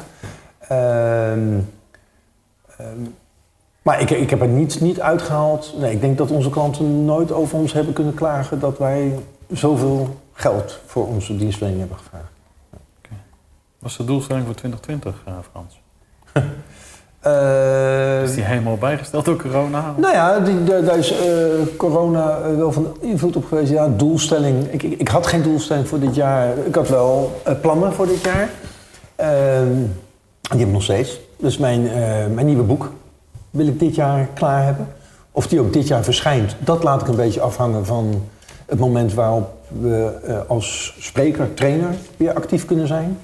Eh, ik, ik, ik besta niet van het boeken schrijven. Ik ben geen J.K. Rowling of, of Mart Smeet of Joep van Hek die daar een serieus inkomen uithalen. Eh, dus voor mij zijn boeken vaak een katalysator van, van ander werk. Eh, presentaties, workshops, trainingen. Dus het heeft voor mij niet zoveel zin om dat boek te lanceren als er geen trainingen, presentaties kunnen worden geboekt. Dus ik wil het dit jaar in ieder geval wel eh, eh, schrijven, klaar hebben. En dan hopelijk volgend jaar, dat kan in het voorjaar zijn, kan het najaar zijn. Maar op het moment dat we zien dat er weer dingen kunnen, dan, dan lanceer ik dat. Ja. Dus dat wil ik doen. Ehm, nou ja, ik vind het heel leuk dat ik de gast ben bij een podcast. En dat dat... eh, ehm, dat is ook iets wat op mijn lijstje staat. Niet zozeer voor dit jaar, maar dan wel voor komend jaar. Ehm, om een podcast eh, te maken. Ehm, ja, en, en ik ben lekker bezig met stand-up comedy. Ik bedoel, als, dat is een hobby van me. Eh, dus een liefhebberij waarin ik beter wil worden. Eh, levert geen cent op, maar wel heel veel plezier. Dus ik probeer zoveel als ik kan te spelen door het land. Kijk dan. En grappen te maken. En wat is je doelstelling eh, voor 2025? Eh, voor 2025, moet ik even denken, dan ben ik 62. Eh, lekker veel spreken, mensen inspireren, mensen motiveren over de hele wereld. Ehm, om, om te luisteren naar klanten. En sowieso het thema luisteren meer op de kaart te zetten. Daar zit heel veel waarde in, heel veel impact, heel veel kracht. Dus dan ehm, hoop ik dat ik mijn ambitie van, van internationaal spreker eh, nog meer invulling heb gegeven. Leuk man. Ja. Hey Frans, eh, voordat we naar het verraste vragenrondje gaan. Het verrassende vragenrondje. Nee, het vaste. Oh, het vaste vragenrondje. Het vaste vragenrondje. Eh, geven we de luisteraars even de, de kans hoe ze dat boek kunnen bemachtigen. natuurlijk. Of één van die drie boeken kunnen bemachtigen. Ja. We hebben natuurlijk blije klanten bijten niet. Ze kwispelen. Ze kwispelen. Ja. Eh, de business bloopers. De business bloopers. Glij niet uit over deze banaan. En meer opens, meer kliks eh, op het gebied van e-mail marketing. Ja, dat gaat over het optimaliseren van e-mailmarketing. Dus het is een heel specifiek vakboek. Ja. Kijk eens aan. Eh, je geeft er tien weg en ze mogen er dus eentje kiezen. Ja, tien mensen ontvangen een boek en ze mogen zelf kiezen Welk welke van deze drie ze willen hebben. Oké, kijk eens aan. En hoe wil je dat doen? Signeer je ze dan ook? Eh, laten we dat doen. Kijk eens aan, dat is helemaal gaaf. Ja, gesigneerd. Ja. Kijk eens aan. Hey, eh, hoe ze dat doen? Ja, eh, ik denk dat we het gewoon... Wij gaan eh, deze podcast promoten via LinkedIn. LinkedIn. En als ze onder dat bericht op LinkedIn een, Een reactie plaatsen. een reactie plaatsen... Dan maken ze automatisch kans. Ja, en zeggen welk boek ze willen hebben. Ja. En dan gaan wij kijken wie er snel bij is. En dan gaan we lekker bepalen wie dat is. En als het er tien zijn, dan, eh, De elfde heeft pech. Ja. Of we halen de notaris erbij. Precies. Of we doen zo en we zeggen die elfde ontvangt ook een boek. Want zo zijn wij dan ook wel weer. Ja, want je was een slechte zakenman. Ja. ja. ja. Maar ik maak ook wel graag andere mensen gelukkig. Ja. Oké. Hey Frans, eh, als eh, eh, mensen naar aanleiding van deze podcast nog vragen hebben, één, eh, mogen ze die aan je stellen? En zo ja, hoe doen ze dat dan? Graag. Nou, ik zou zeggen, zoek me dan even op, op LinkedIn. Eh, of ga naar mijn website of stuur me een mailtje, frans.rijgaard.nl. En ze mogen me ook bellen, het nummer staat op de website. Ze mogen me appen, dus eh, Mogelijkheden genoeg. mogelijkheden genoeg. Hoeveel is genoeg? Hoeveel is genoeg? Is dat je eerste vraag? En je microfoon valt weer. Ja, je schrikt ervan, hè? Van deze Ja. vraag. Ja. Hoeveel is genoeg? En die vraag heb je ook aan je andere gasten ja, die stel ik aan iedereen. En er zijn mensen die hebben er antwoord op gegeven. Ik ben nu tijd aan het winnen, hè?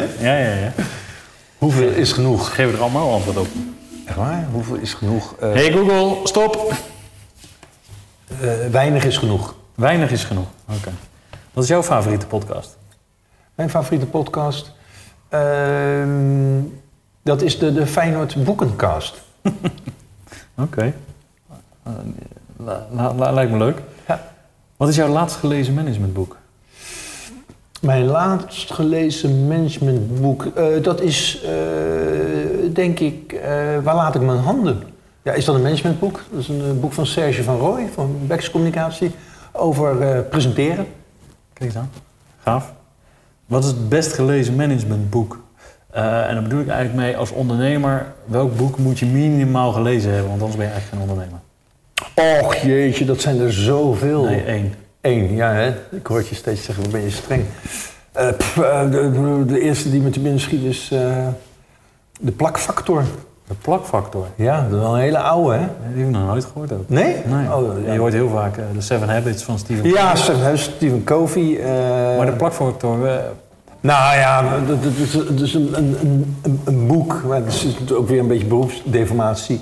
Wat gaat over hoe je zorgt dat dingen blijven plakken. Eh, hoe je zorgt dat een boodschap blijft hangen. Hoe je verhalen vertelt. Eh, en dat, dat, dat, dat, is dat interessant voor een spreker. Ja, nee, dat is interessant voor een spreker. Maar dat is interessant voor elke organisatie. Wat is ons verhaal? Dat, dat gaat ook over wat is ons DNA? Wat, waar komen wij nou werkelijk vandaan? kijk. Ehm, en en ehm, ja, dat. Dus ja, dat is de eerste die me te binnen schiet. Maar kan je die nog kopen? Ongetwijfeld. Ik zou even naar, naar managementboek gaan of waar dan ook naartoe. En dan even de plakfactor. En dan kan me anders voorstellen dan dat die nog... En anders is die op Marktplaats nog wel te vinden. Ah, Oké. Hoe maken we met z'n allen e-commerce eh, een beetje duurzamer? Ehm, ja, duurzaam kun je natuurlijk eh, ja, je hebt CO2-gebied. Ja. eh, verschillende manieren bekijken. Doe je dan, doe je dan vanuit Ja. milieuperspectief? Eh, nou, hoe je het duurzaam maakt is, is in alle facetten kijken hoe je eh, eh, met, met, met ja, stoffen kunt werken, met materialen kunt werken die al vanaf het begin duurzaam zijn geproduceerd. Jij vertelde me dat dit ko- kopje is gemaakt van recyclede koffie. koffie Drap. drap. Ehm, nou ja, dus we leven dat gaat in een fantastische tijd dat er heel veel dingen gemaakt worden van, van ja, noem maar even afval. Ehm, dus dat geldt voor elk e-commerce bedrijf ook. Kijk waar je in je verpakkingen, in je materialen, maar ook in je meubilair, in, in, in, in, in alles. En ook in de producten die je inkoopt, eh, die stap kunt zetten. Hoe lang draag jij een spijkerbroek voordat je hem wast? Een week. Kijk dan. Netjes. Is dat zo? Ja, toch? Ik weet het niet. Ik weet het ook niet. Ik draag hem niet s'nachts dan, hè? Nee, nee, oké. maar wel eens even daar. Nou ja, ik draag wel vaak een spijkerbroek, ja. Wie moet mijn volgende gast zijn? Hmm, wie moet, ja, moeten hou ik sowieso Ja, oké, van. Wie Eh, wie zou jij graag in mijn podcast willen horen? Wat zeg je? Wie zou jij graag in mijn podcast willen horen? Hmm, nou, wie ik het wel gun, omdat hij mij vanmorgen eh, appte dat hij eh, voor zichzelf gaat beginnen. Rinus Verhart. En waarom? Eh, omdat dat een hele vrolijke eh, vent is die eh, op, op, op de drempel staat van zelfstandig ondernemerschap. Ehm, ik ben ook heel benieuwd naar zijn, zijn plannen. Ehm, maar beweegt zich denk ik ook een beetje op het vlak van, van klantgerichtheid, klantbeleving. Wil denk ik ook wel die stap zetten naar dagvoorzitterschap, naar spreken. Eh, dus in zekere zin worden we misschien wel elkaars concurrenten. Maar ach, er is genoeg voor ons allemaal. Ooit weer. Ehm, dus dat is de eerste naam die me te binnen schiet. Kijk eens aan. Ja. Wil je nog ergens op terugkomen? Eh, nou, misschien eh, ehm, heb je nog een vraag of is dat je laatste Dat vraag? is laatste. Dan wil ik nog iets aanvullen op een, eh, op een boek. Een boek dat ik nu aan het lezen ben. Dat ik iedereen van harte kan aanbevelen. En dat is... ik heb het ook al een aantal mensen cadeau gedaan nu. Dat heet The School of Life. Ehm, en ik... Ja, ik zei al net over levensles. Mensen die mij goed kennen, als ze dat horen, denken waarschijnlijk... oh, daar heb je weer met zijn levensles. Maar ik vind echt dat wij op school heel veel leren aan onze kinderen. En ook zelf heel veel geleerd hebben. Eh, maar niet zozeer over hoe je het leven leidt. En het valt mij op dat zelfs als ik daarover praat met mensen in het onderwijs... dat we heel makkelijk argumenten bedenken waarom we dat niet doen. Ehm, terwijl ik denk, we hebben het nog nooit geprobeerd. En ik denk dat er eh, heel veel kennis kan worden overgedragen... heel veel ervaring kan worden overgedragen door eh, eh, ouderen. En dat zijn wij. Maar iemand van 40 is ook al ouder. Nee, nee, nee, maar dat is een heel beladen begrip. Maar iemand van 32 is ook ouder dan iemand van 14. Eh, eh, dus we hebben het niet alleen over. dus, nou, iedereen die ouder is, kan kennis overdragen. Zoals je ouders dat ook aan jou doen. Of, ja, als je geluk hebt. Ehm, maar dat gebeurt in het onderwijs eigenlijk niet. Dus, dus het overdragen van vaardigheden. Of, en ik kijk dan met name naar het luisteren. Ik zou, Ja, ja, sorry, maar ik vind juist dat het onderwijs er te veel in blijft hangen. Ik, ik, nou, dan, dan, dan, nou, dan verschillen we over van mening. Ik, eh, ik heb natuurlijk al, zit al een tijdje niet op, op school. ja, maar ik, eh, krijg al, ik heb al 15 jaar te maken met stagiaires en die krijgen al 15 jaar dezelfde lessen. En denk Oh, maar dan zijn we het wel eens. ja, maar, ja, maar daar hebben ze geen reet aan. Nou ja, ik denk waar ze veel aan kunnen van, hebben. En ik, ah, ik zeg niet dat een hele hoop van wat ze nu leren, dat je het niet moet doen. Alleen wat me wel is opgevallen, is dat ehm, ehm, in die les levensles, die er dus niet is, dat je daar thema's in kunt behandelen eh, ehm, die, die jou later in het leven van pas komen. Je kunt zeggen, ja, maar die gaan mensen vanzelf wel ontdekken. Nou, ik heb toch in allerlei trainingen later dingen gehoord waarvan ik dacht, eh, als ik het alleen heb over NLP, eh, denk ik, daar zitten elementen in die zou je zo in, in basisonderwijs, voortgezet onderwijs, hoger beroepsonderwijs, universitair onderwijs kunnen inpassen. En ik denk dat we daar als samenleving wereldwijd eh, van profiteren. En luisteren is daar een eh, facet in. En dat wordt ook in dat boek. Ik zag het boek liggen in de boekhandel en ik bladerde erdoor. Ik denk, nou, het is alsof ik het. Ik, ik had het zo niet kunnen schrijven, want deze Alain de Botton die schrijft veel beter dan ik. Maar het, het, het was me uit het hart gegrepen wat hij eh, eh, schreef over The School of Life. Dus ik, ik heb geen aandelen in het boek, maar The School of Life kan ik iedereen van harte aanbevelen om dat te lezen. Ehm, eh, om, omdat daarin staat dat het leven je dingen leert die je wel degelijk ook in onderwijs kunt integreren. En het gemak waarmee dat maar wordt weggewimpeld. Eh, ah, eh, er wordt ook een karikatuur van gemaakt van alsof je dan in het onderwijs gaat vertellen eh, welke keuzes kinderen moeten maken. Nou, ik denk dat dat juist al te vaak gebeurt. En ik denk juist dat we dat niet moeten doen. Maar ehm, vaardigheden zoals luisteren. ik, ik, ja.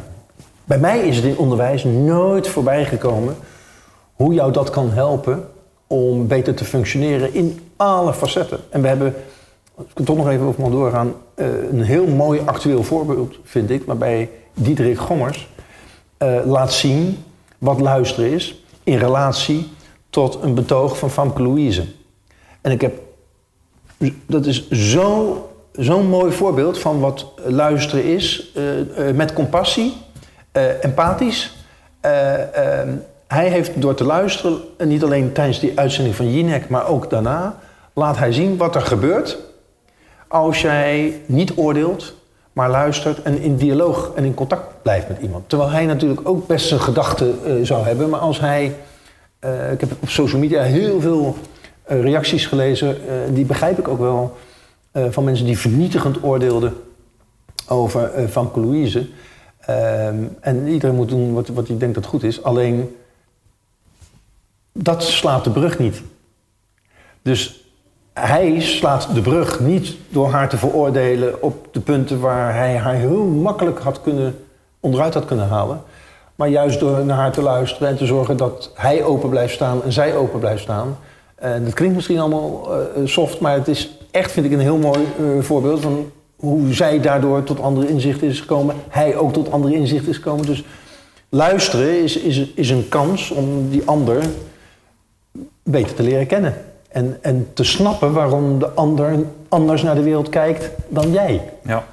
Ehm, en alleen dat al zou, zie ik ook een plek krijgen in onderwijs. Dat is zeker waar. Ja. Mooi punt nog, Frans. Dankjewel. Frans Rijgaard, onwijs bedankt. De Jij klanten, bedankt. luisteraar. Ja, heel goed. Dankjewel. Ja, ik heb geluisterd. Ja, zeker, zeker, zeker. Hey, dankjewel. En eh, ja, eh, ik ga je boeken lezen en ik blijf je volgen, Frans. Top. Leuk dat je er was. Graag gedaan.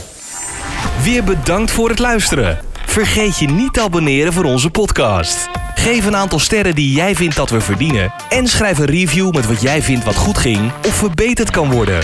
Ga naar e-commercecafé.nl voor de laatste ontwikkelingen en de show notes van deze podcast. En word lid van onze community. Tot de volgende. En tot die tijd lekker veel online verkopen.